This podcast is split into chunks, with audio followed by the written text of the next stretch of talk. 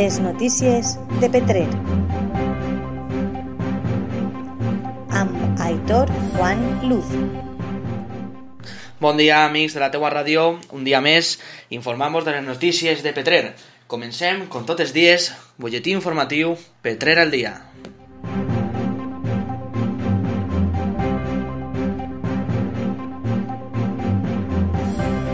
Desenvolupament econòmic registra un lleuger creixement d'empreses al 2020.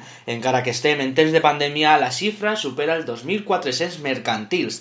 Aquestes dades indiquen que hem fet de Petrer una economia fort, segons ha afirmat el regidor de l'àrea de desenvolupament econòmic, David Morcillo.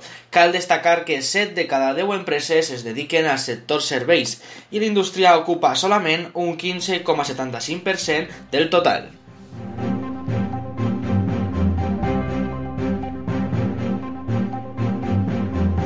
Petrer inaugura el proper 10 de setembre als balcons del centre històric per tercer any consecutiu l'exposició itinerant Art al balcó, amb 76 obres de grans dimensions. Segons ha afirmat el regidor de Cultura de l'Ajuntament de Petrer, Fernando Portillo, aquest matí en roda de premsa, l'exposició es prolongarà fins a les festes patronals, el cap de setmana, primer cap de setmana d'octubre. Per la seva part, Isabel Navarro, encarregada de coordinar l'activitat, ha indicat que estan molt contents perquè encara en temps de pandèmia els artistes del Petrer participen en aquesta iniciativa cultural i artística.